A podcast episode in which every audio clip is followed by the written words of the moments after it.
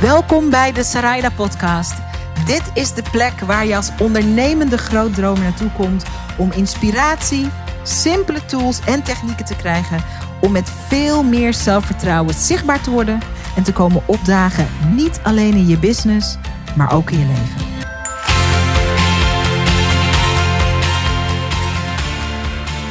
Een van de allerleukste dingen van het runnen van mijn Industry Leader Mastermind is dat ik met een eh, hele bevlogen kleine groep ondernemers ehm, mag meedenken, dat ik uh, mag ondersteunen, dat ik uh, mag coachen, maar ook dat ik geweldige mensen die voor mij persoonlijk veel verschil hebben gemaakt uit mijn netwerk, dat die mag voorstellen aan mijn, aan mijn peoples aan mijn tribe. En de podcast die je vandaag luistert, uh, die wordt opgenomen tijdens een live dag van de Industry Leader Mastermind. Iedereen is super muisstil zijn adem aan het inhouden, maar er zit hier... Kijk, er zitten hier een paar mensen met ons in de zaal. Um, natuurlijk heb ik aan ze gevraagd van... Uh, hè, um, laten we proberen... Uh, nou ja, ik heb eigenlijk niks gevraagd. Dat is nee, gewoon zo. Nee. De, de intentie is dat we uh, zo min mogelijk uh, uh, onnodig geluid maken. Maar tegelijkertijd zijn we gewoon echte mensen in een echte ruimte. En als je denkt, wat een, wat, wat een iets meer onstuimige podcast, dan klopt dat gewoon ook. Want we hebben live publiek, de Industry Leader Mastermind. Een van die geweldige mensen uit mijn netwerk is een ondernemer die ik heb ontmoet toen ze mijn Video Business School kwam doen. Um, ze ging van ik haat zichtbaarheid tot oh my god, dit is het makkelijkste wat er is. Ik doe nu gewoon elke dag live video's. Um, heeft heel veel betekend voor haar business. Uh, en hoewel ze eerst mijn student was, ben ik bijna meteen en daarna ook zeg maar heel intens haar student geworden omdat ik denk ik geen ondernemer ken die um, meer talent heeft voor het vergemakkelijken van alles wat business is. En uh, dat op zo'n manier doet dat er dan ook nog per ongeluk een miljoenenbedrijf uit ontspruit. En toen dacht ik, dat is leuk om over te praten. Mag business makkelijk? Waarom maken we het moeilijk? Wat kunnen we eraan doen dat we het zo moeilijk maken? En uh, is er een betere manier? Dus daar praten we vandaag over met uh, Elma Maaskant. Je bent de oprichter van Creative Cosmetics. Uh, we zijn ook uh, maatjes. Maar je doet behalve Creative Cosmetics, doe je, je doet van alles ook, hè? Ja, ik ben nog even stil voor je introductie, hoor. Maar, uh... Goed stil? Of, Ja, ja, man. Leuk. nee, ik doe van alles. Ik vind het leuk om lekker te ondernemen. Ja, het ondernemen is leuk. Ja, ja.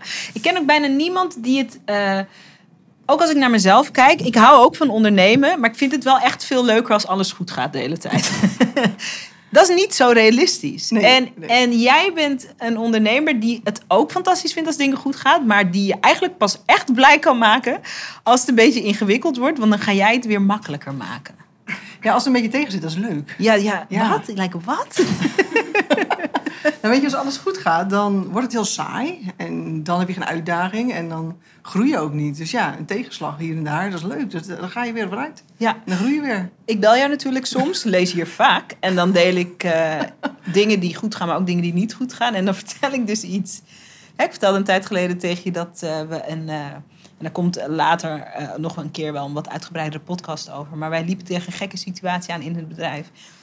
Eh, op juridisch gebied, voor het eerst maakten we dat mee, dat iemand uit het niets op juridisch gebied heel Ja. ingewikkeld was voor ons. Ik dacht, huh?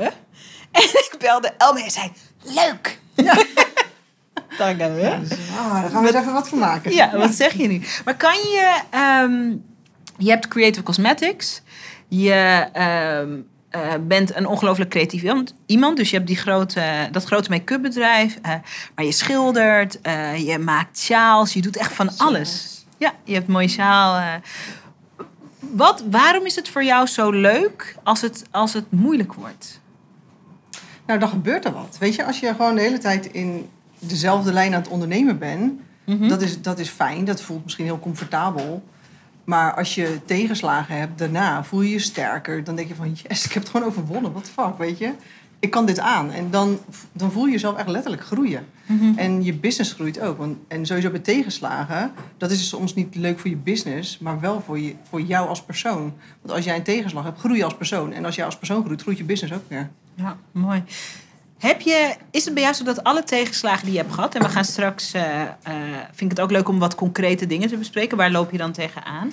Is je business er altijd sterker uitgekomen? Of ook- Altijd. ja, altijd? Altijd. Ook financieel? Tuurlijk. Ja? Ja. Je gaat nadenken. Wij hebben vorig jaar ook struggles gehad. En toen moest ik ook opeens gaan denken van... oh shit, misschien moeten we eventjes alles onder de loep gaan nemen. Dus als jij een tegenslag in je business hebt, dan ga je ook... Weet je, als alles goed gaat, dan ga je ook veel makkelijker geld uitgeven. Als alles goed gaat, denk je van... oh, eh, even lunch met die en die. En eh, kan ook op de zaak, weet je wel. Ja, ja. Eh, met investeren. Ik, ik kocht dure bureaus en dure stoelen voor mijn meiden. Ja, nu koop ik iets goedkopere dingen, weet je. Ja, ook wel meer winst. Ja. Maar ja, als je het heel goed gaat, dan denk je over dat soort dingen niet na. Nee. Want dan ben je blij dat het goed gaat en alles kan. En niks is te gek. En dan wil je nog meer investeren, maar je investeert ook makkelijker. Ja. Kijk, en nu investeer ik... Ik blijf altijd investeren, maar ik investeer nu ehm, beter En slimmer. en slimmer. Ja. Slimmer vooral. Ja. Wat is het verschil als je een voorbeeld moet geven van eh, wat, is het, wat, is het, wat is een slimme investering die je doet, ongeacht eh, of je in een tegenslag zit of dat het goed gaat? Of waarin, wat zijn slimme investeringen in jouw business? Nou, wij investeren natuurlijk heel veel in producten, nieuwe producten. Maar ik heb ook bijvoorbeeld eh, met laboranten samengewerkt. Dat ik denk van jeetje, ik heb daar zoveel in geïnvesteerd en daar is gewoon niks goeds uitgekomen. Oké, dan moet ik dus afscheid van nemen. Maar de volgende, bij de volgende laborant ben ik dus wel kieskeuriger. En dan ga ik nog meer naar mijn gevoel luisteren. Mhm. En dat is natuurlijk die groei die je elke keer hebt. Dat je niet tevreden bent met de eerste de beste laborant. Maar dat je leert van, hé, hey, dat ging toen en toen allemaal fout. Ja. Nu ben ik met een nieuwe laborant bezig. Oké, hoe kan ik dat beter doen? Ja. Wat mij opvalt aan eh, de manier waarop jij onderneemt. En ehm, voor mij is het zo, ik heb dat ook in mijn ondernemerschap. Ik heb het zeg maar totaal niet in de liefde. Ehm, eh, maar jij hebt het in het ondernemerschap het meest. Is dat jij twijfelt nooit aan je pad, Nee. als het ware. Dus ik herken bijvoorbeeld in mijn business. ehm, mijn, over, mijn diepe overtuiging in mijn business is dat A, het goed komt, dat is één. En B, dat het eh, ehm, steeds beter zal worden. Die overtuiging heb ik niet in de liefde. En daarom is de, het resultaat van mijn liefdesleven is daarom anders. En ik, voor mij, ik kan die twee sporen naast elkaar zien. Ik heb een andere overtuiging. Ik heb niet de overtuiging dat het nooit goed komt in de liefde. Maar, mijn, godzijdank. mijn- nee. maar mijn overtuiging in de liefde is anders dan mijn business. En daarom zie ik wat de diepe overtuiging, wat voor verschillende resultaten dat geeft. Weet je wel? Ik heb die business en ik heb mijn liefdesleven. Wat ik bij jou zie is dat het maakt niet uit wat er gebeurt. Je twijfelt nooit aan. eh, zit ik wel op het juiste spoor? Is dit wel. Moet ik dit, is dit me nooit? Kan je me uitleggen ehm, hoe dat werkt bij jou? Want dat vind ik zo magisch ook.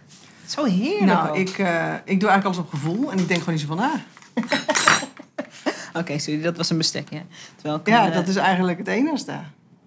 Geef eens een voorbeeld. Ik doe op gevoel, ik denk niet te veel na. Nou, alles, eh, alles.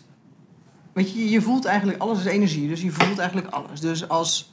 ehm, en ik heb ook heel veel dingen wel op dat ik niet naar mijn gevoel geluisterd heb. Van achteraf altijd uitkwam van, oh ja, ik kan beter wel naar mijn gevoel kunnen luisteren. Dus als je naar je gevoel luistert, of ja, denk dat je, dat je naar je gevoel luistert. Weet je, als je gevoel zegt ja, waarom zou je dan met je mind het moeilijk gaan maken? Geef eens een voorbeeld van iets in je business waarvan je gevoel zei ja, terwijl je dat best ook nog wel in je hoofd moeilijk had kunnen maken. Wat is daar zo'n voorbeeld van? Nou, vorig jaar hadden wij eh, in onze onderneming eh, een oplichter in het bedrijf zitten. Wat best pittig was, narcist. Dus ja, die Iemand kon heel team. goed manipuleren. Hmm. En die had ook echt... Eigenlijk heb zij het hele team tegen mij opgezet. En mij tegen het hele team opgezet vorig jaar. Hmm. En daar kwam ik toen achter. En ik ben toen ook echt twee dagen echt overstuur geweest. Maar daarna had ik zoiets van, oké, het komt helemaal goed. En dan laat ik het los. Want ik heb dan 100% vertrouwen. Want het komt goed. Ja, En dan ga ik niet in mijn hoofd, alle, dan ga ik niet voorhuilen of zo. Weet je wel, van allemaal scenario's bedenken. En, eh, want het kan dit gaan, het kan zus gebeuren, het kan zo gebeuren. Nee, ik geloof erin dat het goed komt. Ja. Klaar. En even, want ik, ik weet het een en ander zonder... Maar het was echt Het was heftig. heftig, Het, was, eh, die, het was een oplichter in het team. Het was een heel team. En je hebt een groot team wat ontregeld was. Alles, iedereen. De- er, waren, er misten dingen die er hadden Heel moeten veel. zijn. Het was, echt, het was echt iets, even voor de context... dat had je bedrijf naar de afgrond kunnen helpen. Altijd een paar maanden langer geduurd. Misschien vier maanden langer geduurd. Dan was ik mijn bedrijf kwijt geweest. Ja, Ja. ja. ik krijg gewoon stress terwijl je dat zegt. Jij bent gewoon cool. Nou ja, het was ook wel leuk. Ja, nou, dat vind ik dus leuk. ik, ik heb twee dagen, ik ben eerst, toen, ik echt, toen alles boven water kwam en alles, toen was ik in shock. Oké, ik heb toen echt, ben ik ook huilend naar huis gereden van shit man, weet je wel. Die dag daarna ook, ik was helemaal van de, van de kaart. En omdat ik gewoon niks had zien aankomen. Ik vertrouwde haar blind en ehm, dus mijn gevoel is ook wel eens niet goed hoor.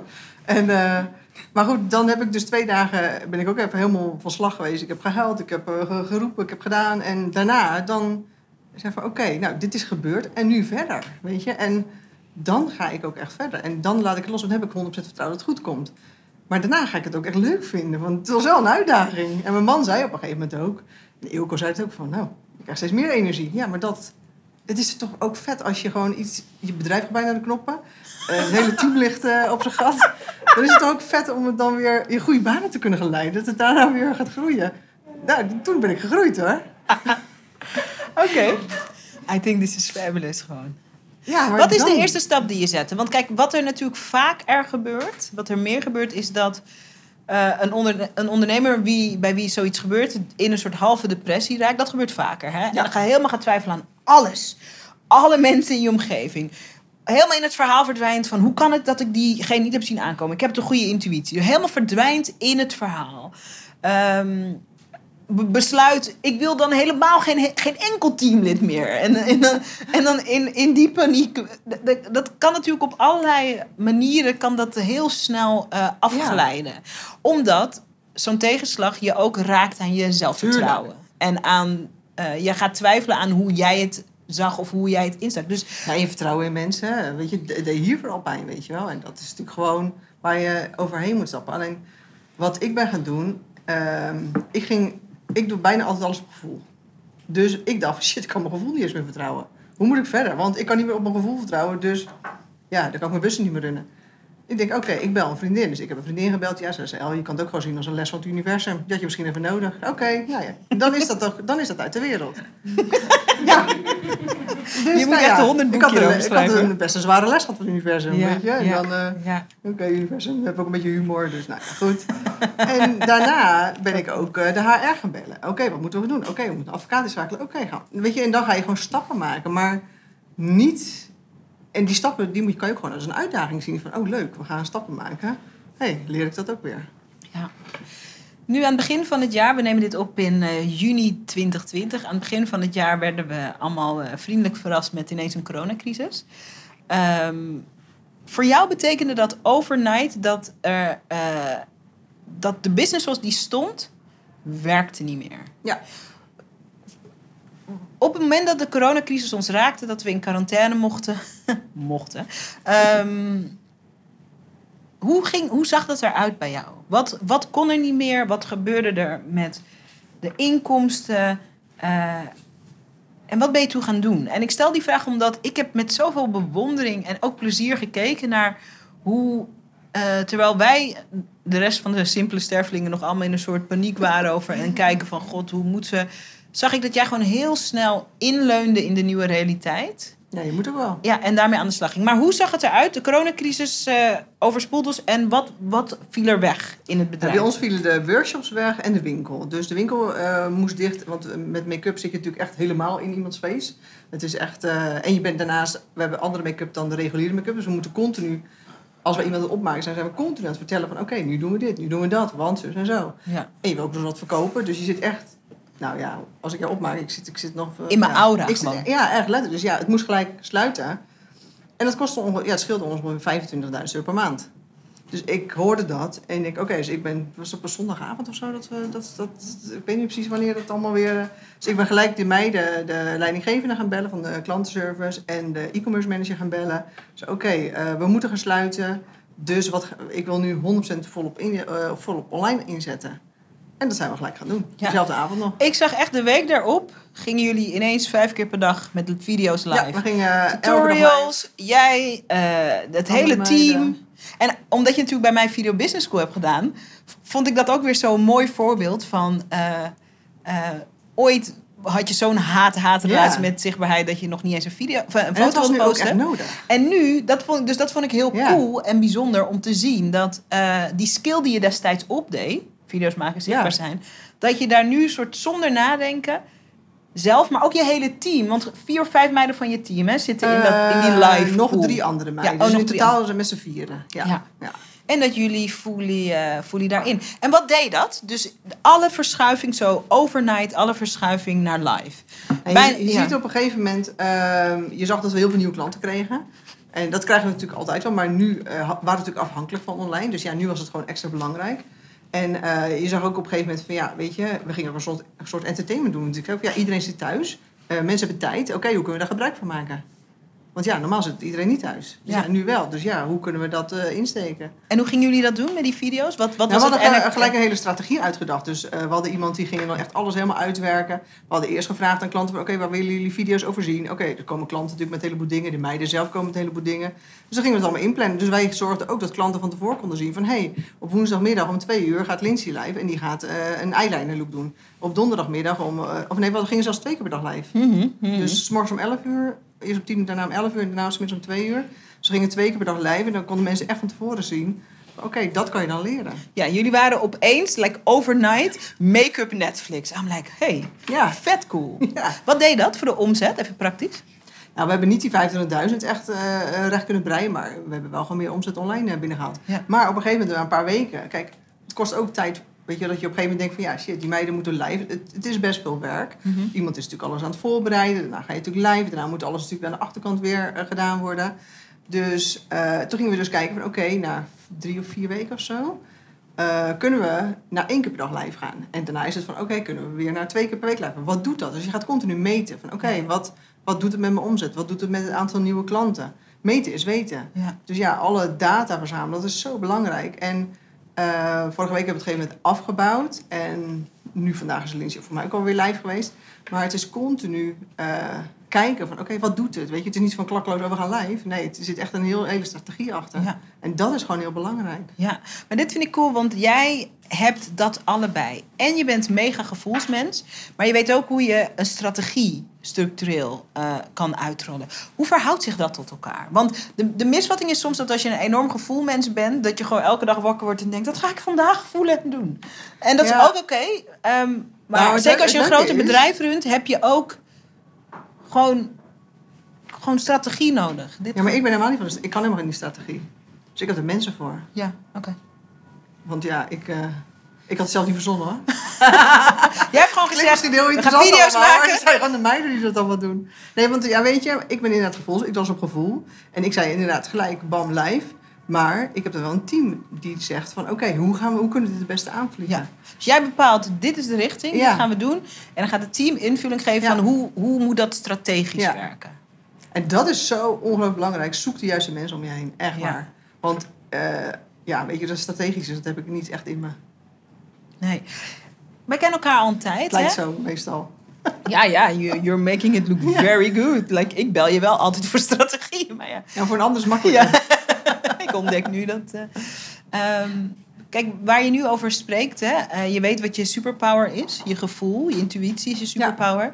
Eh, maar er is ook een periode geweest dat je daar meer over twijfelde als ondernemer. of dat nou een superpower was of niet. Ja, ik zag het niet eens als een superpower. Nee. Neem ons eens mee naar die Elma, die nog aan het ontdekken is van is dit nou wel of niet een superpower? En hoe moet ik me verhouden tot al die ondernemers die helemaal dat hele gevoels eh, ondernemen helemaal niet zo hoog hebben zitten? Nou, ik denk dat dat gewoon. ehm, je hebt op een gegeven moment elke keer. Je bent natuurlijk zo snel geneigd om jezelf te, klei- te, te, kleine- te kleineren, laat maar zeggen. Weet je wel, eh, alles te verkleinen. Eh, ik heb op een gegeven moment in een, ook in een mastermind gezeten. Daar voelde ik me echt de minste van allen. En, Ik was het domme blondje, laat maar zeggen. Want ik had nog nooit van marketing gehoord. En eh, ja, ik voelde me geen ondernemer. Dat ik het op gevoel deed, dat was echt het slechtste wat er was. Ja, en later ging pas blijken van... hé, hey, ik doe het eigenlijk helemaal niet zo verkeerd, weet je wel? En de laatste kwam ik daar ook weer achter. Ik dacht van, oh, ik doe het helemaal niet zo verkeerd. En dat zijn elke keer dingen, want eh, ik word wel vaak eh, gevraagd als gastspreker. Vind ik superleuk. Ik vind het ook echt superleuk om hier vandaag te zijn. Alleen, al die andere gastsprekers, die hebben altijd helemaal niks zo'n presentatie. Dat kan ik niet. Dat vind ik verschrikkelijk. Dus elke keer als iemand mij vroeg als gastspreker, zei ik van ja, prima, je mag alles aan me vragen, maar interview me maar. Want dat vind ik makkelijker. Ik ben, in het moment ben ik het best. En toen elke keer dacht ik van ja, ik, kan geen, ik ben niet van een presentatie. Mhm. Dus dan is, ik ben niet zo goed als die anderen die dat allemaal wel kunnen. Mhm. En nu van de week las ik een boek ehm, van Rachel Patel, weet ik veel. Ja, ja, ja. En er stond ja. dus in van, hé, hey, als je in het moment bent, dan is dat veel beter energie. Weet ik dat. Ik vrek. Dus ik doe het helemaal niet zo verkeerd. Ik hoef nog geen presentaties te maken. En nu denk ik van, oh, het is niet iets slechts, maar het is juist iets goeds. Ja. Weet je, en dat, dat is natuurlijk gewoon heel vaak zo, dat je dat soort dingen hebt. Ja, kijk, vanochtend in de, in de mastermind, want jij schrijft hier nu in de middag aan. En vanochtend hebben we al een heel leuk gesprek gehad, ook met, eh, met onze groep. En dat gaat eigenlijk ook, in de kern gaat het er ook steeds over van dat je eigenlijk steeds maar weer mag ontdekken dat hoe je in elkaar steekt, dat dat eigenlijk de sleutel is tot Ja, succes. En Juist. dat je ook weer verleid wordt, want eh, dat je misschien iets anders moet zijn. Bijvoorbeeld bij mij is altijd een, een eeuwige issue is, ik ben helemaal niet gestructureerd ook. Nou, dat weet niet. je. Ehm, het team gelukkig wel. Eh, We lijken een beetje op elkaar. ja. En in, ook ik worstel de hele tijd met eh, dat ik het liefst dan eigenlijk nog een betere planner zou moeten zijn de hele tijd. En terwijl mijn hele team is mega gestructureerd, daarom komt ook heel veel van de grond. Daarom toen we hier vandaag aankwamen was er een zaal en was er water en koffie. Omdat Corine er bijvoorbeeld is, die mega goed is met details. Ik totaal, ik ben gewoon niet zo goed met details. Hoe kunnen we beginnen met het afkicken van al die ideeën over wie we moeten zijn? En meer kunnen gaan omarmen. Want dat is ook waar gemak over gaat. We hebben het over Tuurlijk, gemak. ja. Gewoon omarmen wie we in al onze onvolledigheid en imperfectie nu zijn. En dat dat ook al goed genoeg is om dat, als je dat leuk vindt, miljoenen bedrijven uit de grond te stampen. Als je het leuk vindt, het hoeft niet. Hoeft zeker niet, want eh een miljoenbedrijf dan zeggen dat je winst draait. Ja, dat Ja. is waar. Je kan een miljoen omzet eh, draaien en 1,2 ja. miljoen kosten. Ja, gebeurt. Daarom. Ja, gebeurt ook. Weet je? Ja. En ik denk vooral dat het... eh, weet je, je bent sowieso goed zoals je bent. Dat is natuurlijk gewoon sowieso al iets. Wees gewoon trots op wie je bent. Maar daarnaast, eh, ze, weet je, toen... eh, weet je, het is zo... Ik, kwam, ik was, vroeger was ik bloemist, ik was fotograaf, ik was fysicus en haarstylist. Ik had allemaal creatieve beroepen. Dus ik volgde mensen die dat ook deden. Ik had nog nooit van een business coach gehoord vijf jaar geleden. Weet je wel? Dus, eh, en van marketing had ik ook nooit gehoord. En ik weet nog wel de eerste keer dat ik ook bij een event zat en ik hoorde over leadpages en funnels. Joh, ik wist niet waar ze het over hadden. maar ik voelde me op dat moment wel dom. Weet Ja, je wel? ja, En dat is gewoon wat ik geleerd heb de afgelopen jaren. Van oké, hun zijn daar goed in. Ik ben ergens anders goed in. Weet je wel? En met, als je natuurlijk wil groeien met je business en je wil een team om je heen gaan bouwen, dan moet je niet gaan kijken van hé, hey, welke mensen zijn net zo goed als ik of ergens goed in. Nee, je moet mensen zoeken die ergens veel beter in zijn dan jij. Ja. Want dan pas, pas kan je groeien. Als ik mijn e-commerce manager zie met al die data, data is zo belangrijk voor je business. En, zij, en natuurlijk, dat meten is weten, dat is zo belangrijk. Alleen als ik een Excel-sheet zie, dan word ik gek. Weet je wel? En als zij het uitlegt, dan denk ik van, oh ja, ah, ik ben zo blij met haar. Ja. Weet je? En dat, en natuurlijk, en dat is ook wel heel grappig, want je hebt natuurlijk op allerlei vlakken. Want zij is dan van de data. Nou, dan zitten wij haar ergens aan te kijken, waar heb je het over? Maar als wij het over concealers hebben, dan zit zij ergens aan te kijken, waar heb je het over? Weet je wel? Dus ja, iedereen En wat? iets. En kom wat? Ja. Dus Mooi. iedereen heeft iets waar hij goed in is, weet je wel? En je moet juist gaan natuurlijk achterhalen van waar ben je goed in. En daar moet je op gaan zitten. Ja. En wat je leuk vindt. Veel ondernemers vinden het spannend om hulp in huis te halen. Eh vinden het spannend om, eh, eh, of het nou een VA is, een virtual assistant, of een administratief medewerker, of een sales iemand. Of... Mensen vinden het moeilijk. ik zie, laat ik het zo zeggen, ik zie veel ondernemers die dat echt een heel spannende stap vinden. Ehm, als ik jou zo hoor, zeg je het is eigenlijk onmogelijk. het is eigenlijk onmogelijk om het echt neer te zetten in je eentje. Of zie je Ja, dat tot een bepaald level. En daarnaast, op een gegeven moment heb je het hoogst haalbare bereikt in je, bereikt in je upje. Ja, En dan is er daar niks meer. En als je met een team gaat werken, wat echt, echt ook heel erg moeilijk kan zijn. ja, nou ja, je vertelde net. Ja, weet je, Vorig ja. jaar had je ook. Ja, weet je, en- ja.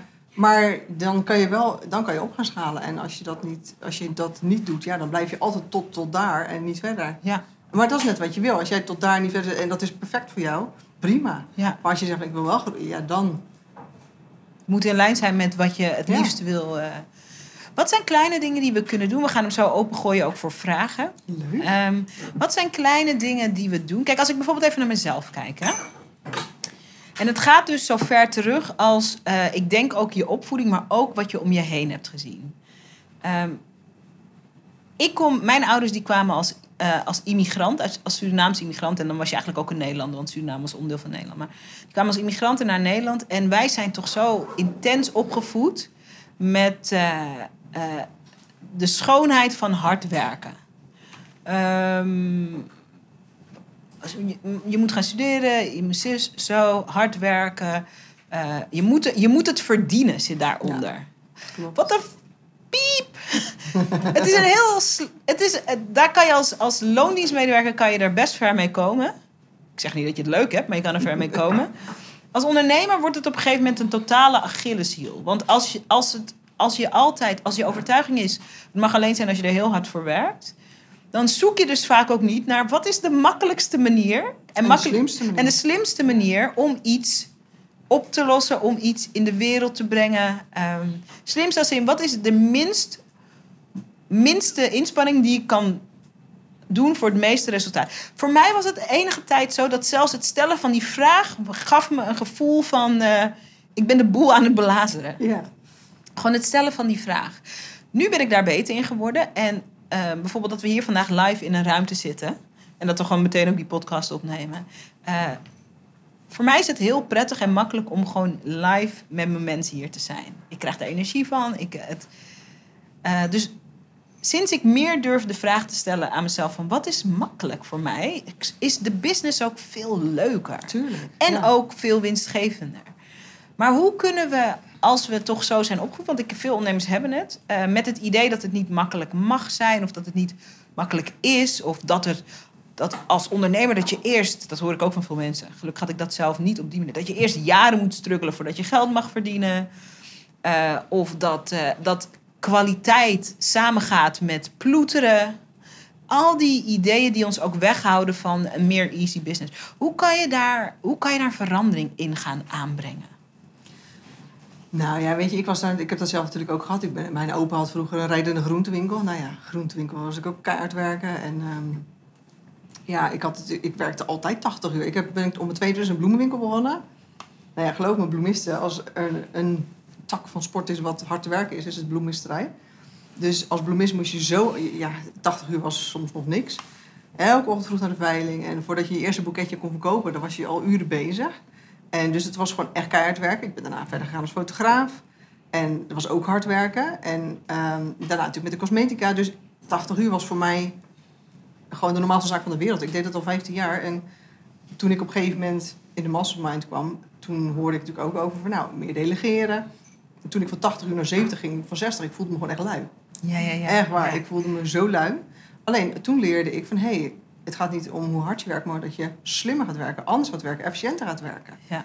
En toen, en dan ga je natuurlijk ook kijken van hé, hey, waar ben ik goed in? Waar, verdien ik mijn geld mee? Mhm. Oké, ik was goed in die video's, daarmee zag ik mijn omzet omhoog gaan. Dus als ik die, omzet, als ik die video's aan het maken ben, dan kan ik niet ondertussen de administratie doen. Oké, dan kan ik beter iemand voor de administratie nemen die iets goedkoper is dan ik. En ik ga die video's maken. Ja. Weet je, en zo ga je continu dingen afstrepen en kijken van oké, wat kan ik nu het beste gaan doen? Mhm. En dat ben ik gaan doen. En dat geldt natuurlijk eigenlijk voor alles. Ik kwam erachter dat ik managen verschrikkelijk vind. Ik kan het ook gewoon echt niet. Nee, ik ook niet. Dus oké, dan moet ik iemand hebben die mijn team kan leiden. Mhm. Ja, en Mhm. dat is eh, nu gelukt dan dit jaar wel. en vorig jaar dus niet. Maar, Weet je wel? Maar You win some, you lose some. Ja. ja, maar toen ik vorig jaar eh, daar dus achter kwam, toen moest ik natuurlijk wel zelf even de leider zijn. En dat, dat vond ik toen ook echt leuk. Alleen op een gegeven moment gaat het weer kriebelen. Ik wil ondernemen. Ik wil eh, met nieuwe dingen bezig zijn. Dus toen merkte ik weer van, hé, hey, mijn uitdaging is weg. Het gaat weer beter. Mhm. Oké, nu moet ik dus iemand aanstellen die mijn de leiding weer over kan nemen. Mhm. Dus waar krijg ik dus energie van? Ja, op het moment dat het slecht gaat, dan wil ik wel leider zijn. Maar als het dan weer beter gaat, dan krijg ik daar geen energie meer van. Dus Mhm. Dat Mhm. zijn de dingen eh, waar je over na moet denken. Van oké, waar krijg ik energie van? Waar ben ik goed, eh, goed Ja. in? Waar verdien ik het meeste geld mee? Je verdient niet het meeste geld met je administratie doen. Kijk, en een bloemist. Ik weet nog heel goed dat eh, vroeger een, een buurvrouw van ons... Die, was ook, die had ook een bloemist, bloemenwinkel gehad. En die zei tegen mij... wij verdienen het geld niet in de winkel. Wij verdienen het geld op de klok. Dus 's morgens vroeg bij de veiling. Omdat hun daar de beste en de goedkoopste bloemen... Dus hun verdienen daar eigenlijk het meeste geld. Ja, ja. En niet in de winkel zelf. Ja. Maar dat is natuurlijk gewoon per tak verschillend. Ja. Maar dat was voor mij wel een eye-opener. Ik Ja. dacht van, oh ja, je denkt dat in de winkel het meeste geld verdiend wordt. En ze zegt, nee, op de veiling, daar verdienen wij het geld eigenlijk. Ja. Want daar kunnen wij de meeste besparingen maken. En daar kunnen wij de goedkoopste bloemen klokken. Ja, dit is zo cool wat je zegt. Omdat ehm, ik denk ook naarmate je ontwikkelt als ondernemer, dan ontwikkel je hopelijk ook dit oog. Zoals Dat bijvoorbeeld, ehm, toen ik daar ook meer zelf van begon te snappen, vond ik het ook leuk om te gaan uitpluizen hoe zit dat in allerlei businesses. En dan kom je er bijvoorbeeld achter dat bijvoorbeeld in de grootste, meest exclusieve modemerken, bijvoorbeeld, dat het meeste geld verdiend wordt met de riemen. Ja. En accessoires. Dus niet met die, die jurk van 3000. En dat is gewoon interessant. Want dan kan je ook weer terug gaan kijken naar... wat is, wat is dan onze riem in de business? Dus als je, ik zeg maar wat, Gucci bent... en eh, je hebt een enorm assortiment aan van alles... dan, ehm, dan is het super cool om te kijken van... eh, alle aandacht gaat naar Ja. de, de jurk... maar de moneymaker is de riem of de zonnebril Ja. of de paraplu. En dan ga je je ook ontwikkelen als ondernemer van... eh, oh ja, wat, wat is dan mijn, wat is mijn paraplu? riem? Ja. Wat is mijn riem? Wat is mijn zonnebril?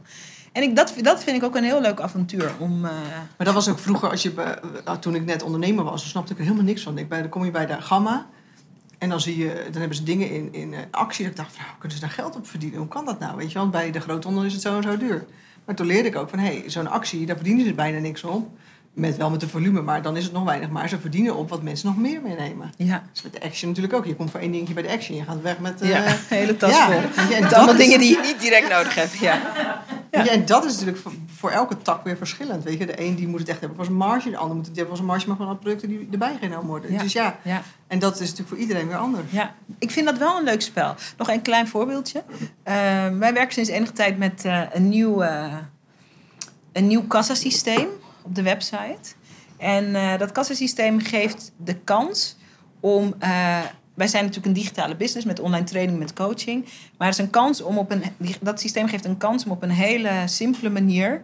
eh, een, een kassa-koopje te doen. Dus Ja. eh, iemand doet een investering Upsell. voor een training en dan kan je. Ja, een one-click upsell. Ja. Wij merken, wij experimenteren daarmee. Eh, het kostte ongeveer twee uur om van systeem te wisselen. Onze technische VA deed dat. Dus eigenlijk te verwaarlozen. Op dat oude systeem kon het niet. Op dit nieuwe systeem wel. En wij kunnen nu zien wat de verschil dat maakt in omzet. Dus we doen nog precies hetzelfde als wat we deden. Alleen dat kleine puzzelstukje, kleine dingetjes, ja. mega. En dat ik ook denk, fuck, stel dat ik nou uit een of andere moeilijke gedachte... Ik heb geen zin om mijn dingen om te gooien. Stel dat ik dat nou niet gedaan had. Weet je wel? Dan zou ik het gewoon, Ja. dan zou ik het gewoon mislopen. Ehm, dus dat is ook een leuk spel om te kijken, hoe kan het makkelijker? Vaak wordt de experience voor de klant er ook beter van. Ja, dat is iets, beter, ja. soms zit er schuldgevoel op als ik het zo makkelijk doe. Maar ik merk, de experience voor de klant wordt er ook beter van. ja. Een klant wil geholpen worden. Ja, ja. En als jij het makkelijk vindt en makkelijk aanbiedt, dan kan je gewoon meer mensen Ja. helpen ook. Ja. Zullen we het opengooien voor, eh, voor wat vragen, jongens? Ja, leuk. Wat we doen is, omdat we hier met eh, dat microfoontje aan de voorkant van de ruimte zitten, is dat eh, ik herhaal je vraag eh, ehm, en dan gaat El gewoon antwoord geven. Kan vragen stellen over je eigen business, kan een algemene vraag zijn. Ehm, ja, gooi maar open. Be the first, Ingrid. Ingrid. Ehm, hoe, ehm, wat waren de eerste uitbreidingen in je team? Toen je startte met je bedrijf. Oké, dus de vraag. eh, dit is heel dom, ga ik steeds halen. De vraag is: eh, wat zijn de, de eerste soort rollen die je aannam? Bedoel je dat? Ja, wat zijn de eerste mensen die je aanneemt? Eh, nou, ik heb iemand als eerste aangenomen voor de workshops. Dat was echt de eerste eh, die ik aannam voor de workshops.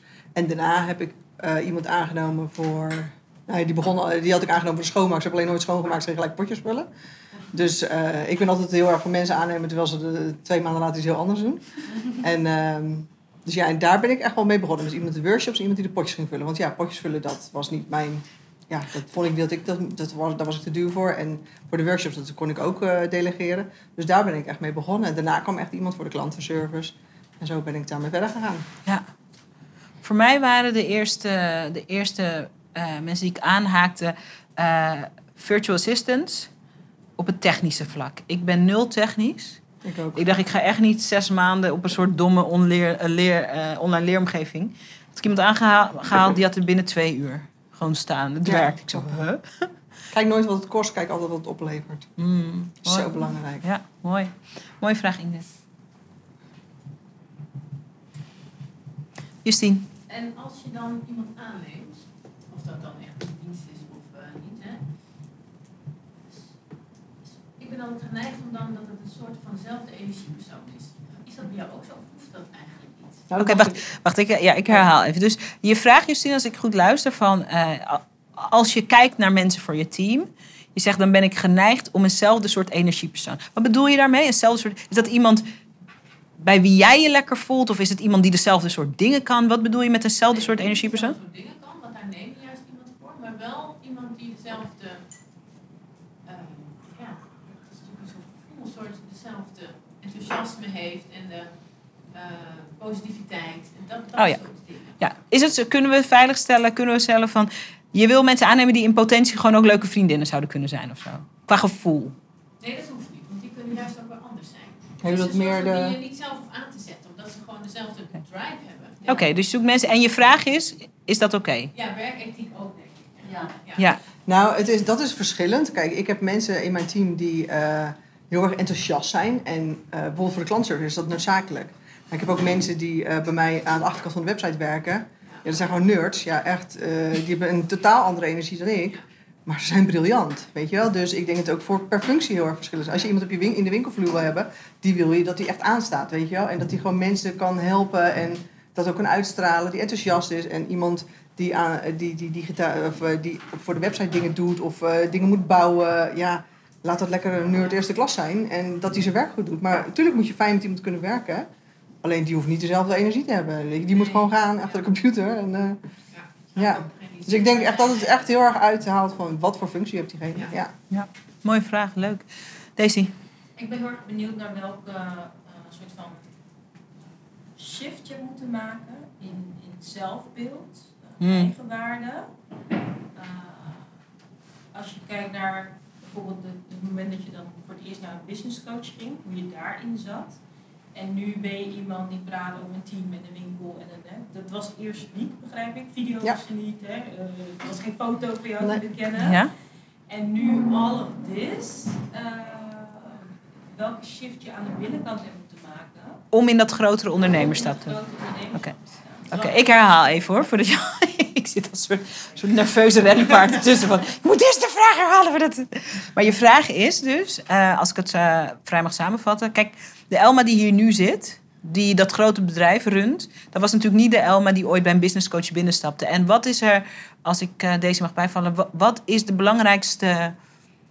Hoe moest je anders naar jezelf gaan kijken om nu deze Elma te kunnen zijn?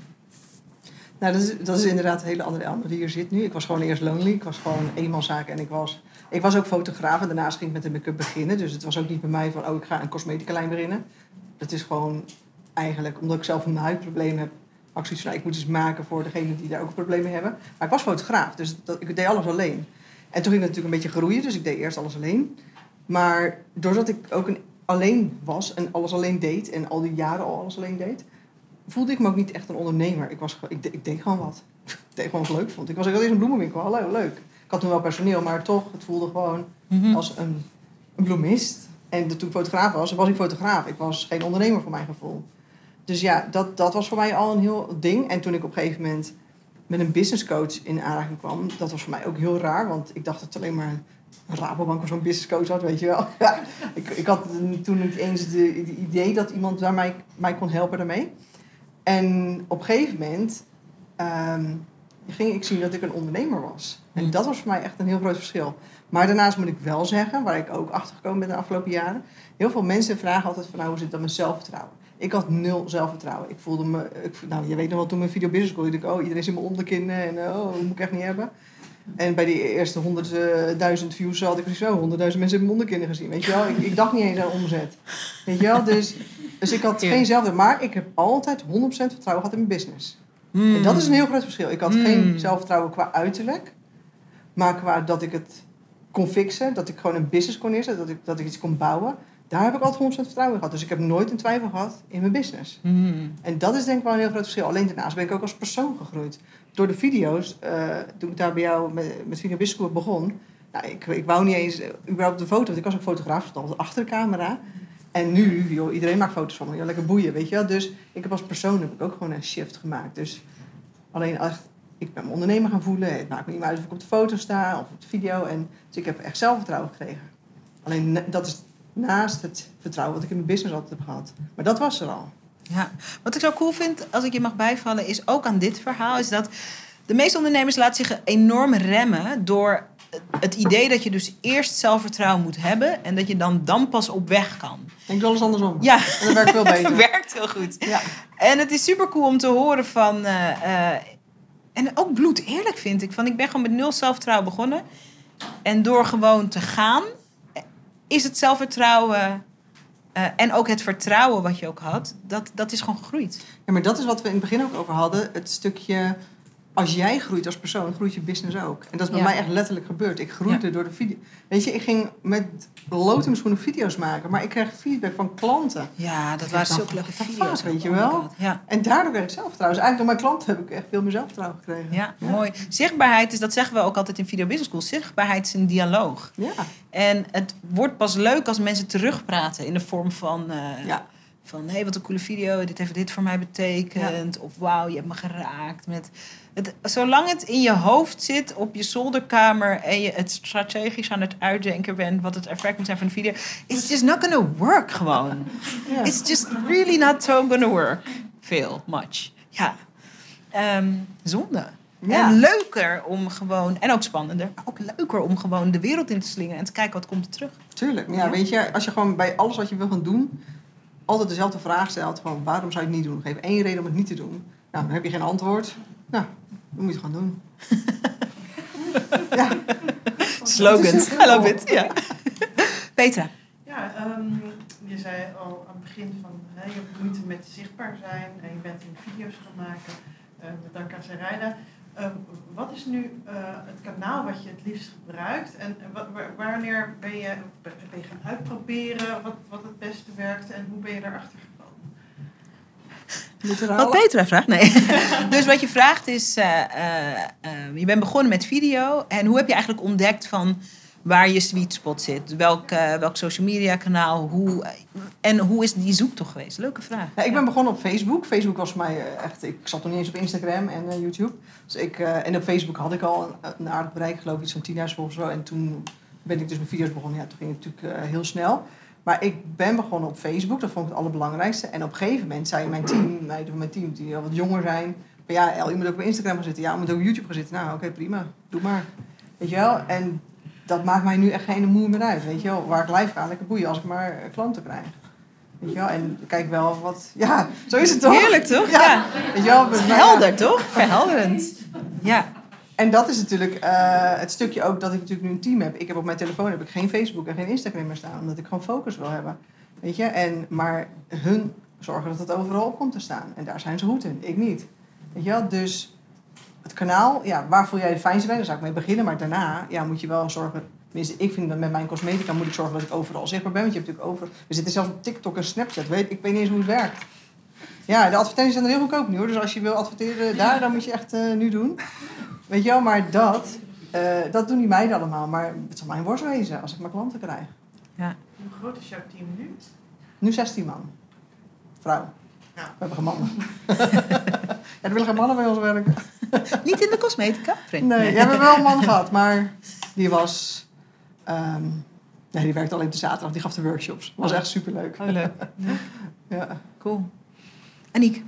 Ehm, je vertelt over dat je, je bent eigenlijk de, ja, de CEO van je business, hè? Je zegt zelf ook, ja, eigenlijk ben ik niet per se zo'n manager, zo'n leidinggevende. Ik heb mensen die dat doen. Ja. Ik denk dat heel veel leidinggevenden dat ook herkennen.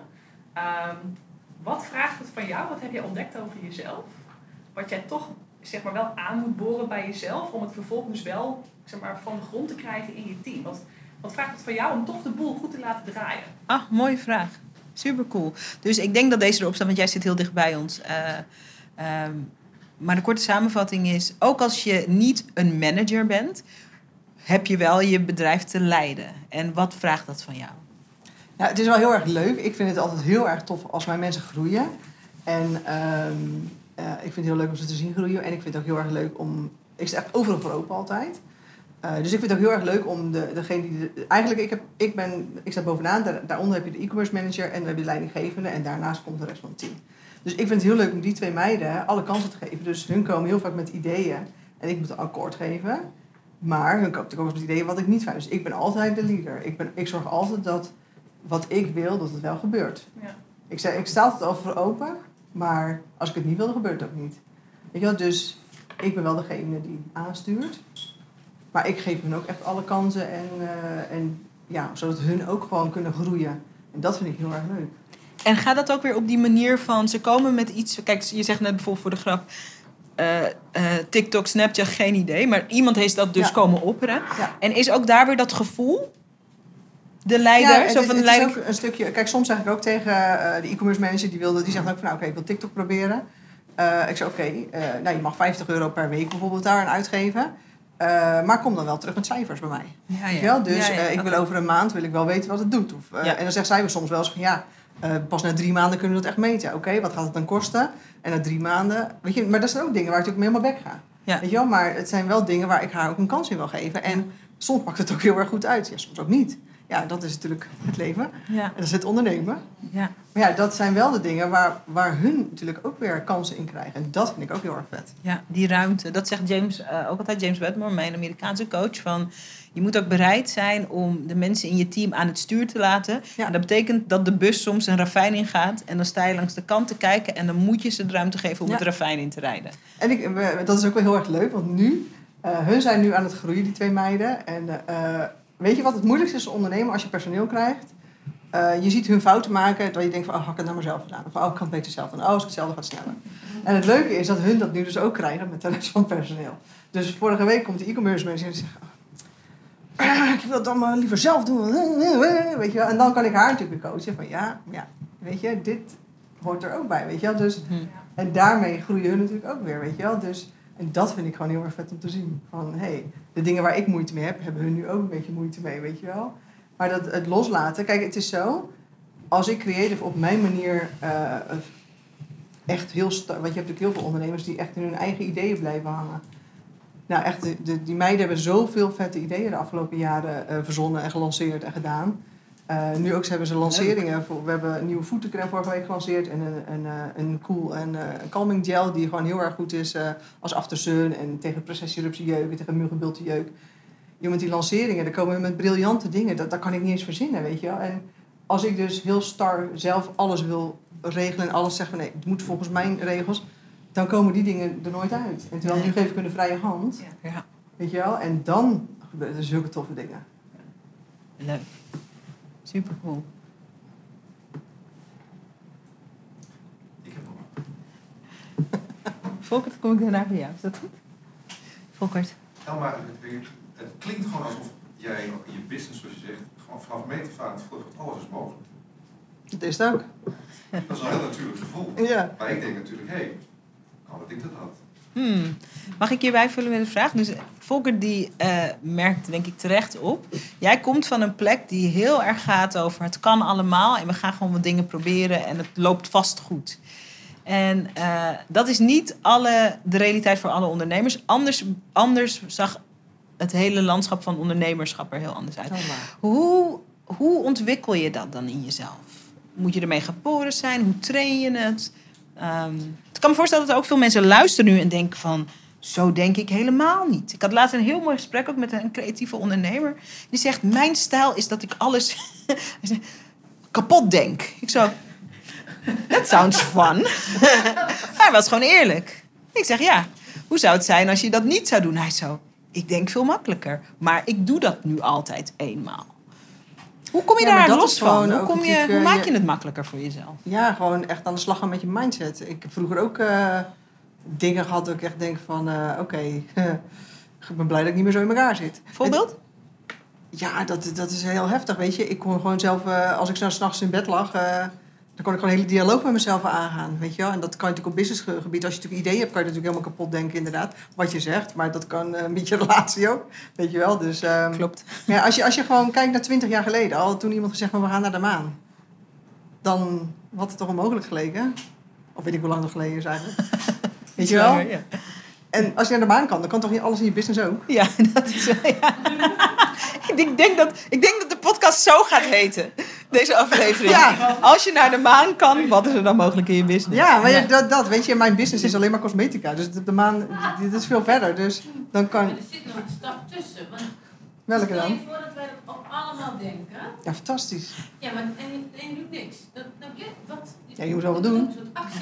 Ja, maar waar zit dan die sleutel of zo? Oké, Justine die zegt, je kan wel denken dat alles mogelijk is. Ik voel me zo een, eh, toch, want bij die persconferenties zie je zo iemand die dat dan vertaalt met haar handen. Ja, ja weet je. Dus eh, Justine's vraag is, het, het, je, tuurlijk kan je denken van alles is mogelijk, maar hoe, hoe maak je dat dan concreet ook in actie?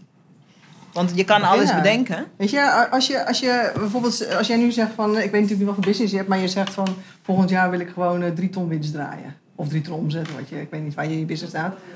En eh, ik, ik weet, misschien is dat heel ver, heel ver voor jou. Dat je denkt van, oh, wow. Eh, nou, nou, en dan kan je natuurlijk ook zeggen van, oké, daar is mijn drie ton omzet en ik sta hier. Nou, hoe kan ik allemaal kleine stapjes maken tot die drie ton omzet of drie ton winst? En wat Weet zou je, dan bijvoorbeeld... Oké, laten we het gewoon workshoppen. Dus Justine is eh, eh, een marketing genius. Mm. Eh, die... eh, Dan is het makkelijk. ja, dat vind ik ook, maar dat moeten we even aan haar vertellen. I agree. en en wat, wat ze goed kan is... ze heeft voor heel veel grote merken gewerkt. Eh, en wat ze heel goed kan is zeg maar wat, wat grote trends zijn, dus wat grote merken doen, eh, kan ze heel goed vertalen naar wat jij als ZZP'er kan doen voor je marketing. En dan op een hele toffe, zeg maar, eerlijke manier. Dus dat is haar, dat is haar business. Eén op één, maar ook met online eh, programma's. dat is haar business. Oké, Elma gaat je even business coachen.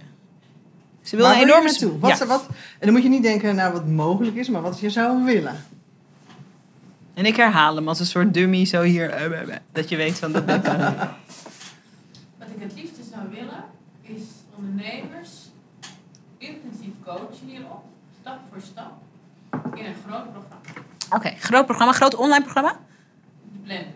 Wat zeg je? Blended. Dus het is Ja, online en offline. Een grote groep ondernemers coachen op wat zij kan met marketing. Bijvoorbeeld in een jaarprogramma. Bijvoorbeeld in een jaarprogramma. Super. En waarom zou dat niet kunnen?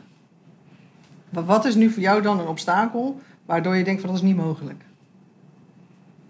Bekendheid. Dat ik dan voor mijn gevoel meer mensen moet bereiken dan dat ik altijd één op één heb gedaan. Dus moet... En jij, ben, jij leeft onder een steen, jij hebt nooit van social media gehoord? Ja, dus daar ben ik wel aan het bouwen. Ja? Alleen ik start niet zoals jij, zeg maar, maar dat is misschien een belemmering voor mij, met al 10.000 volgers. ja maar ik ben ook met één begonnen. Ik heb ze niet gekocht. Oké, ja, oké. Dus even, even, ik ben de tenniscoach hier. Ehm, dus Justine zegt eh, dat grote eh, jaarprogramma marketing. eh, wat is een blokkade? Waarom is het er nog niet, vraag jij. En Justine zegt, ik heb niet genoeg volgers.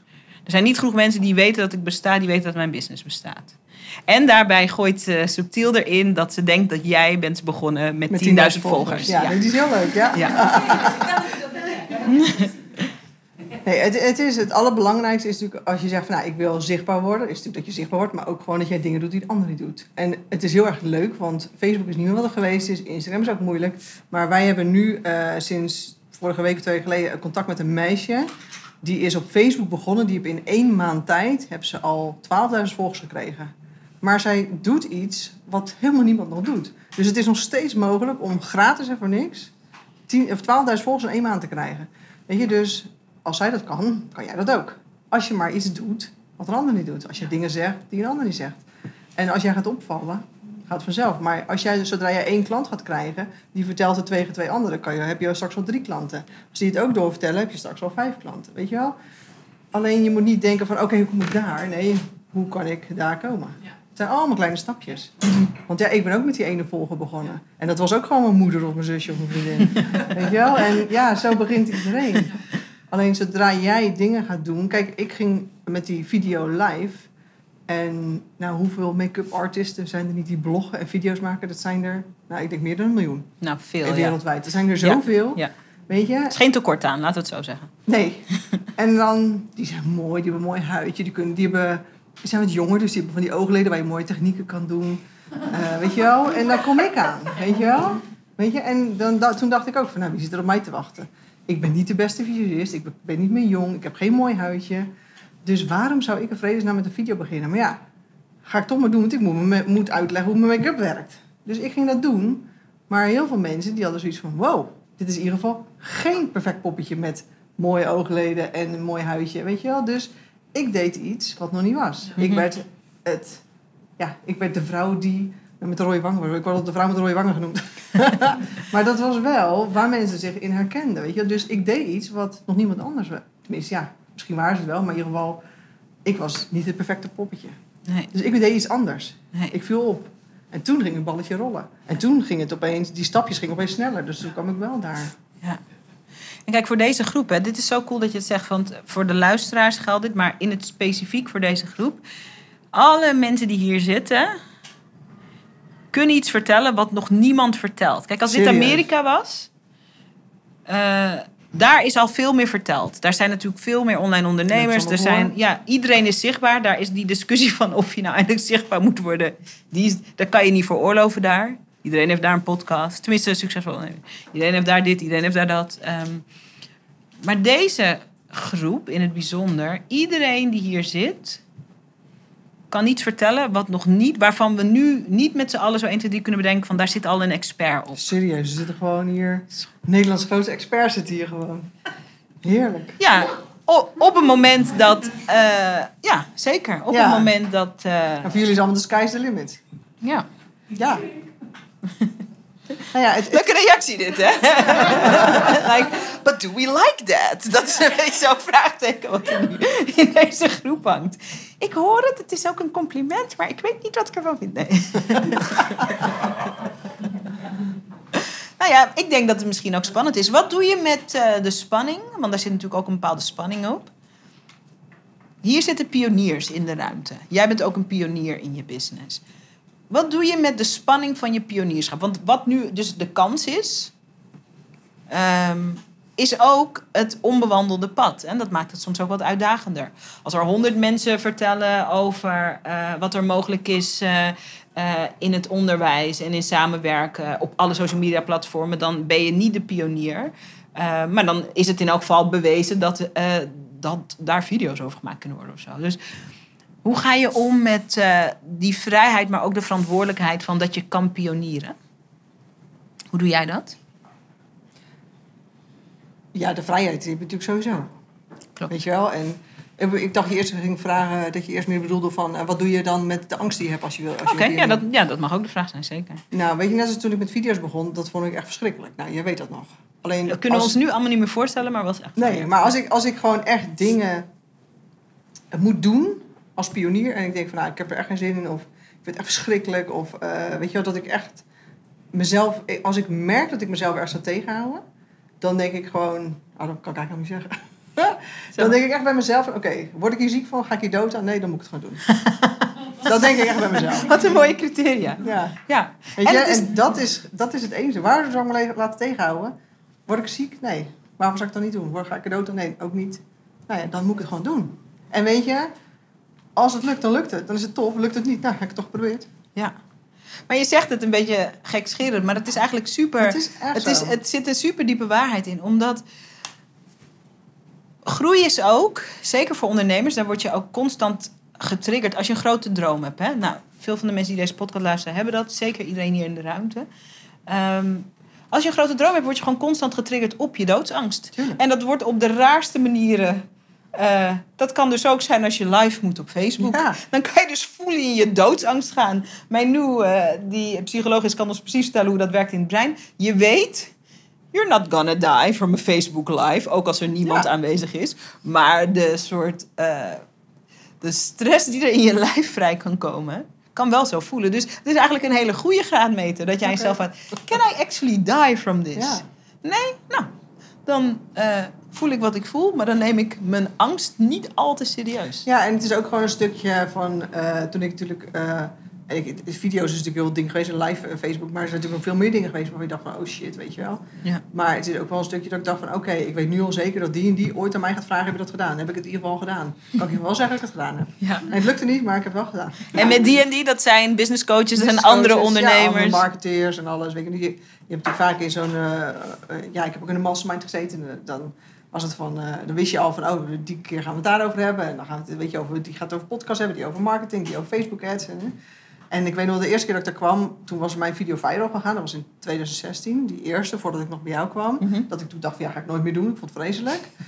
en die zei natuurlijk van, ja, voor hoeveel heb je dan geadverteerd? Ik zei, ja, voor 300 euro. Elke dag tientje. Een maand lang 300 euro. en eh, die waren natuurlijk helemaal in shock. Waarom heb ik niet voor 3000 gedaan? Dus ik wist, de volgende keer, nou, die gaat de volgende keer die vraag, heb ik nu voor 3000 gedaan? Ik ja, dan moet ik het wel geprobeerd hebben, weet je wel. Dus ja, Mooi hè? De kracht van een groep ook hè? ja, absoluut. Want stel je nou toch voor, en dat is denk ik ook waarom eh, zo'n community, dus industry leaders zo'n community, nou via de business school, allerlei communities. Een business coach is ook een community. Maar als je alleen maar mensen om je heen hebt die zeggen 300 euro, Ja. een tientje per dag, dan heeft dat natuurlijk een ander effect dan als zo'n hele ruimte vraagt, maar heb je niet voor 3000 euro? Ja. Dat je denkt, oh ja, kan ik natuurlijk ook proberen. Ja. Hoe belangrijk is eh, die omgeving voor een ondernemer? Als je dat, eh, Heel belangrijk. ja. Ja. Zou je, eh, stel je voor dat je nooit naar die ene business coach was toegestapt, die eerste. Zou het bedrijf, Dat had er heel anders uitgezien. ja? Ja. Als je daarin zit, is het natuurlijk raar, om, want je kan niet twee realiteiten naast elkaar leggen. Maar wat, wat, zou, er dan, wat zou er zo anders zijn? Ja, voor mij ging er echt een nieuwe wereld op. Wat ik al zei, ik kom echt uit een creatieve wereld. Weet je, Bloem is fotograaf, fysicist. Dus ik, ik had er nooit van marketing en al die termen gehoord. Weet je, ik, ik heb een bloemenwinkel gehad, dat was fysiek, het was offline. Mhm. Eh, fotograaf, dat was offline. Eh fysici- eh, fysicist en haarstylist, dan ben je offline. En met de make-up, en toen ik daar kwam, ging het voor het eerst online. En dat, ja, ik had wel o- al webshop, maar ja, dat was het dan ook. Weet je, dat was Mhm. eigenlijk van mijn offline klanten. Ja, ja. En pas toen kwam ik in de wereld van marketing, online marketing terecht. En dat was echt een eye-opener. Mhm. En net als nu met corona had ik het niet gered hoor, als ik alleen offline had. Dan was ik gewoon, eh, Dan was je Ja. failliet geweest dan. weet je wel. En online is daarom ook gewoon heel belangrijk. Maar ik heb ook zoiets van, zorg dat je business ook offline kan draaien. Want stel je voor dat nu internet eruit valt voor een maand, Mhm. wereldwijd, ik noem maar even wat. Mhm. Weet je, dan moet je ook zorgen dat je offline weer sterk kan zijn, weet je wel. Dus zo kan je natuurlijk ook kijken van, hey, hoe kan ik het zorgen dat het allebei sterk is. Tuurlijk, mijn omzet 80% is van, of 90% is van online. Mhm. 80%, ik weet niet precies de aantallen, maar ik weet wel, ik heb nu natuurlijk gezegd van hey, corona komt, bam, we gaan gelijk online sterk zijn. We gaan knallen met de live. En ik weet ook dat als ik zo meteen, stel je voor dat het eh, internet er een maand uitlegt, Mhm. dan zorg ik wel dat ik, eh, weet ik veel, in een dag tien pop-up stores open en overal offline te zien ben. Weet je wel? Dus, en ik ben nu ook aan het kijken van, hey, hoe kunnen we bij grotere kanalen liggen? Ik heb laatst iemand gesproken die gaat kijken of we bij België bij allemaal apotheken kunnen liggen. Dat is leuk. Ja, dus, maar dat is wel dat ik ben gaan nadenken. Ik denk van, hé, nu is het offline natuurlijk slecht, maar het kan ook online slecht gaan. Hmm. Dus hoe kan ik gewoon meerdere eh, geldstromen krijgen, Ja. zodat ik gewoon veel safer ben. Ja. Dus niet alles op één paard inzetten. Ja, super tof. Ehm Aniek heeft nog een vraag. Is er nog een... We gaan zo afronden. Ehm Even, jij had ook nog een vraag? Nee. Eh, Oké, dan gaan we naar Aniek en daarna naar eh, jou, Arlet. Aniek. Wat ik heel mooi vind is dat je omschrijft dat je heel erg intuïtief handelt. Ehm, en toch zullen er bij jou ook af en toe wel eens dingen ontstaan, wellicht. Maar ik ben benieuwd wat voor jou de grootste rem is op jouw intuïtie, zeg maar. Is er iets wat jou daarin dan toch tegenhoudt? Wat is dat? Kan je daar iets over vertellen? Dus, ja, dus je kracht is intuïtief eh, Ja? ondernemen, beslissingen maken. Je kan ook heel snel beslissen. Dat vind ik echt zo. Daar haal ik ook. Ik ben ook een snelle beslisser, maar jij bent echt een Ferrari-beslisser. Like, ik zie alleen nog maar de stofwolk en blijkbaar ben je al aan het einde van de straat. Eh, maar is er. als een lichtschakelaar. Ja, ja, knop gaan. Ja. Ja. Maar is er, en dat is een mooie vraag van Aniek, zit er ook soms een rem op je intuïtie? Oh my god, je gaat nee zeggen, hè? Nee, ik heb ook geen angst of zo, weet je. Er is gewoon... Voor mij, weet je, ik denk dat het grootste, eh, wat ik het grootste goed vind voor mezelf... Ik mag falen, ik mag mijn bek gaan, ik mag fouten maken. Dus doe ik het ook geregeld. Weet je wel, maar daarom heb ik geen rem. Weet je wel, dat is gewoon... eh tuurlijk, ik maak zo vaak foute beslissingen. Maar als ik tien ideeën heb en dan gaan zeven nog steeds goed en drie niet goed, dan is die balans nog goed. Weet je, als het op een gegeven moment andersom gaat eh, worden, dan, weet je wel, dan ga ik me zorgen maken. Dan ga ik misschien een rem voelen. Maar zolang nog steeds het gros goed blijft gaan, ja, blijf ik gewoon lekker gaan. Geeft heel veel ruimte eigenlijk ook, hè? Alle ruimte, ja. ja. dat is wel heel mooi. Ja. Weet je, en zolang, zolang jij jezelf blijft tegenhouden, ja, dan die groei, die, die, die, ja, die komt niet. Maar persoonlijk niet, maar ook in je business dan niet. Mhm. Dus ja, ik, ja, nee, ja, ik heb geen rem. Heerlijk. Mooi. Ja, en, en, als, en als leuke side effect ervan is... Ik bel je natuurlijk vaak op, we chillen, we eten samen al die dingen. ehm, We eten samen al die dingen, dat klinkt wel heel... ja, dat eh, klinkt wel raar. Ja. We eten alles op. Ja, nou, we eten samen, punt, komma, al die dingen. Beetje Surinaamse slang erbij. Ehm, maar wat je, wat je dus ook te geven hebt als mens... en je helpt ondernemers ook, je ondersteunt ondernemers ook... is dat, kijk, al, omdat dat zo jouw eh, natuur is geworden... Ik voel me ook bijvoorbeeld als ik eh, outreach naar Elma, ik voel me ook nooit. eh, ik kan echt over de, de, ding- de domste fouten die ik heb gemaakt, die ik dus zelf als dom. Maar je, je geeft mij en ons ook nooit het gevoel dat het echt dom is. We zijn we dom. Nee, je vindt het ook nooit dom. Ehm, je, eh, het is, alles is voor jou altijd gewoon, oh ja, het is een misstapje. Ja. Ik kan wel denken van, god, mijn dak stort in. En jij zegt, oh, het is een baksteentje. Weet je wel? Eh, dus het is ook een vertrouwen wat heel aanstekelijk is ook.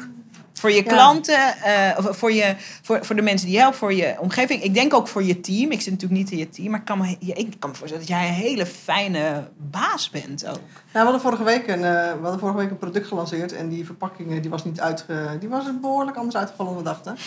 dus ja, toen ben ik ook even een paar minuten eventjes, eh, dat ik, potverdorie zeg, eindelijk een keer een mooie verpakking, die ziet er zo uit. En daarna, dan, na een paar minuten, heb ik zoiets van, oké, nou klaar, eh, het is helemaal zo, ja, gaan we verder. Mhm. En is het eruit gaan met die verpakking? Of? Wel nee joh, Oh, oké. het product is fantastisch, dus de mensen kijken niet eens naar die verpakking. Weet je, maar omdat wij het, anders- dat, dat is ook, wij hadden het anders in ons hoofd. Ja. En ik heb die verpakking aan meerdere mensen laten zien. Niet eens erbij gezegd van, hé, hij is anders dan we bedacht hadden. Wauw, ziet er gaaf uit. Oké, weet je, die verpakking is niet lelijk. Nee, hij is anders dan in ons hoofd. Ja, ja, Zat, ja, weet je ja. wel? Anders dan je verwachting. Ja. Maar die meiden, die moet ik dan weer eventjes op het juiste spoor. Van, oké meiden, het zijn zo. Het product is fantastisch.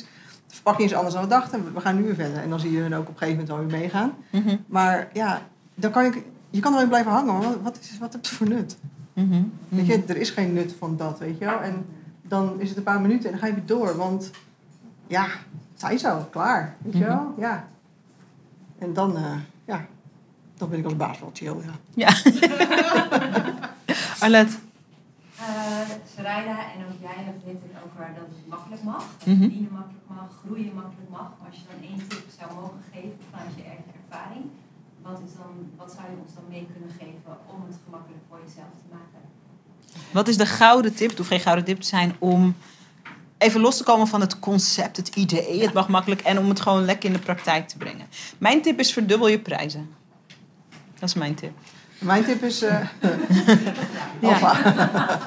Mijn tip is ga niet voorhuilen. Heel veel mensen gaan voorhuilen. Die, hebben dan, die willen dingen doen en dan gaan ze al denken van, ja, maar als dit gebeurt, ja, maar als dat gebeurt, als zo gebeurt. En dan laten ze zichzelf weer, dan houden ze zichzelf weer tegen.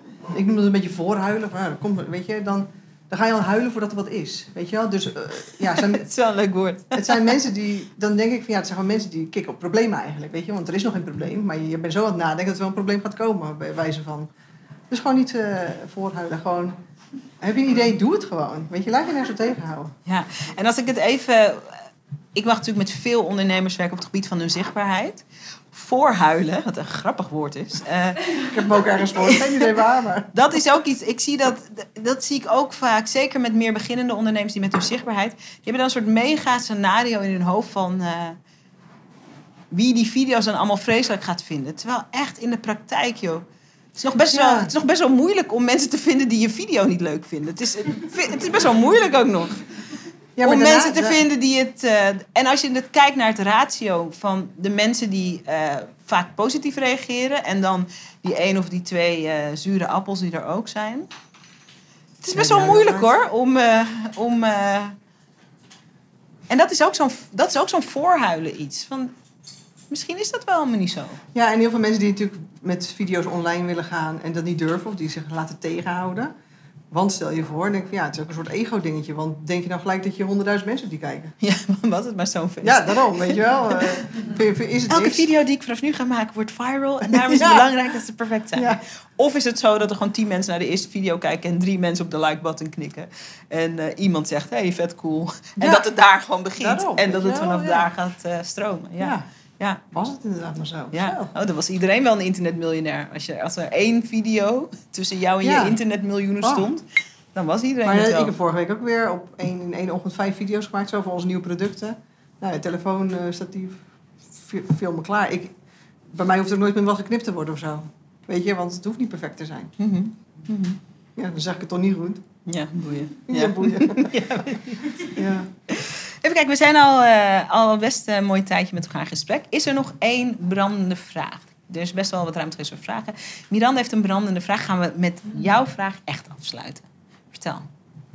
Wat is je droom? Waar wil je naartoe? Wat is je droom, Elma? Leuke afsluitingsvraag, dankjewel. En waar wil je naartoe? Nou, eigenlijk zijn al mijn dromen al uitgekomen, dus dat, daar ben ik heel dankbaar voor. Ehm, Is dat zo? ja. Mijn droom was eerst om aan het strand te wonen. Dat heb ik eerst gedaan. Toen was mijn droom ook om een boerderij te wonen en dieren te hebben. Dus dat hebben we nu ook. Konijntjes, kuitjes, kipjes, er komen hertjes. En ehm, ja, ik wil gewoon een, een, een, leuk team. Ik wil gewoon een goede business neerzetten. Ik wil gewoon mensen blij maken met mijn producten. Eh, ik wil nog reizen. eh, ja, maar ik heb niet een... Mijn allergrootste droom was gewoon happy zijn en gewoon ja, wonen op een boerderij en met uitzicht, natuur, rustruimte. En die droom is dan anderhalf jaar geleden uitgekomen. Dus ja, eigenlijk... eh You're op dit living the dream. ik geen grote... Ja, ik... Weet je, en dat is ook... Het is niet dat ik nog één hele grote droom die moet uitkomen. Nee, want mijn dromen zijn allemaal uitgekomen. En heb je wat ik denk dat, ehm, dat misschien dat er op dit moment iemand luistert. Ik zou dat denken als ik niet in de ruimte zou zitten en ik zou dit luisteren, ik zou je niet kennen. Van, als je droom dan al uitgekomen is, want je bent ook heel gedreven. Je hebt altijd zin om ermee aan de slag te gaan. Dus hoe komt het dat je nog wel enorme drive hebt, terwijl ook je al je droomleven leidt? Hoe verhoudt Ja, zich ik dat denk tot dat dat gewoon meer is... Laatst zei iemand tegen mij van... Jij bent altijd zo tevreden. Dus ja, ik ben inderdaad altijd tevreden. En ik denk... eh, ik koester gewoon allemaal wat ik heb. En tuurlijk heb ik ook nog doelen en dromen. Maar dat zijn meer allemaal kleine dromen. En wat ik gewoon... En ik denk ook niet dat ik echt jaren geleden echt een droom had van... oh, ik wil daar staan met mijn business. Ik ben daar nooit zo heel erg mee bezig. Ik weet dat heel veel business coaches het ook zeggen... van, ja, je moet een doel hebben. Mhm, En natuurlijk heb ik ook een doel van... Hey, dit jaar willen we zoveel winst draaien of zoveel omzet draaien. mhm. Maar ik heb geen vijfjarenplan of nog droom van... hé, daar ben ik naartoe aan het leven. Dat, dat heb ik niet. Mhm. Ik weet niet of dat goed of slecht is, maar ik leef echt veel meer in het nu. Ik ben elke dag gewoon bezig met genieten. En eh, En lekker dingen doen. ja, Mooi. dus ja, ik heb niet een grote droom nog of zo. Mooi. Ik vind het wel een mooie afsluiter. En ook Mooi. fris. Weet je Ja. wel? Fris. Ik ben gewoon super blij met wat ik al heb. Ja. En gewoon, ja, Ja, en, op, en als dat. eh, en kijk, spiritueel gezien, we hebben het natuurlijk ook wel eh, vaak over spiritualiteit. Die tevredenheid plus het plezier dat je hebt in de dingen die je doet, dat is, maakt natuurlijk dat die business ook als een razende groeit. Want dat is Ja. gewoon een heel aantrekkelijke energie. We, ik bedoel, we staan ook niet in de rij bij die ene boze yoga-lerares Nee. die de hele tijd. eh, dat is lekker, we willen graag yoga leren van die ene boze gefrustreerde. Dat, like, het, het doet ertoe. De energie waarmee je er ja bent, doet ik er denk, natuurlijk denk ook dat toe. het is... ehm, weet je, natuurlijk in je leven heb je tegenslagen en je hebt dingen die gewoon fantastisch zijn. En dan kan je wel zeggen van ja, ik, ik vind het leven leuk, maar ik vind leven leuk. Mm. Het gaat niet alleen om het leven wat ik leuk vind, maar ik vind leven zelf leuk met alle tegenslagen Mhm. en alle, al het leuke wat, het mooie wat voorbij komt. Mhm. En dat is denk ik wat mij gewoon dan heel veel rust geeft. Van, ja, komt er een tegenslag? Vind ik ook leuk. Mhm. Ja, weet je, natuurlijk, er zijn natuurlijk ook eh, erge dingen die gebeuren, zoals mensen die doodgaan of dieren die doodgaan. Man, toen ik mijn honden verloor, dat was het ergste wat er was. Mhm. Weet je wel, maar dat hoort er ook bij. En dan probeer je daar ook weer iets moois van te maken. Van, hé, ik heb een mooie herinnering. Ze zijn nu veel ouder geworden dan het gemiddelde. En ja, zo kan je jezelf natuurlijk ook weer oppeppen daarmee. Ik hoop echt dat we over 80 jaar met z'n tweeën ergens in van die stoelen zitten. Ergens. Ik kom niet meer overeind. En hoor. dat, en dat we nog steeds dit soort gesprekken hebben. Ja, leuk. Doen Ja, we. echt heel leuk. El, ik wil je bedanken. Ehm, ik ga ook even vragen of we voor je kunnen applaudisseren. En daarna vind ik het leuk, want mensen willen je natuurlijk volgen. Dus eh, waar kunnen we op de hoogte zijn en blijven van eh, alles wat je doet en ook wie je bent. Maar eerst even, mag ik heel warm applaus voor Elma Maasland. Dankjewel. Heel leuk. Waar kunnen we, je, waar kunnen we met je connecten? Nou, bij Creative Cosmetics onder creativecosmetics.nl. En eh, mijzelf, ja, ik doe op dit moment eigenlijk niks met social media. Maar misschien komt dat weer. Mhm. Dat is gewoon Elma Maaskant. Ja, allemaal Ja. Maaskant. Top. Leuk. Heel erg cool. Super. Hey, en als je, ehm, want dat vinden wij natuurlijk leuk. Ik vind het leuk om gasten te eh, ontvangen in de podcast. Ehm, als je, naar aanleiding van wat eh, Elma hier vertelt, een inzicht hebt of eh, je misschien nu een besluit maakt over dat je een klein iets anders gaat doen, laat het ons even weten. Kan bij mij op de Instagram, Sarayda Groenart, kan bij Elma, kan eh, via de website kan je contact leggen ook met haar. Maar eh, laat ons weten wat je eruit haalt en belangrijk ook wat je ermee gaat doen. Vinden we superleuk. Goeie. En dank voor het luisteren. Dankjewel voor het luisteren. Tot de volgende podcast. Tof dat je weer naar een aflevering van de Sarayda podcast geluisterd hebt. En ik ben benieuwd wat je beleefd hebt. De intentie van deze podcast is om je in te smeren, te bombarderen met good stuff, met goede inzichten, met goede verhalen, met goede inspiratie, zodat je in actie komt. En ik wil weten hoe je het beleefd hebt. Kom het me vertellen op Instagram. Ik heet gewoon Zarayda Groenart op Instagram. En ik ben daar elke dag om met je te praten, om met je te connecten en om van je te horen waar ik je mee kan helpen. Dus kom connecten op Instagram. Zarayda Groenart heet ik daar.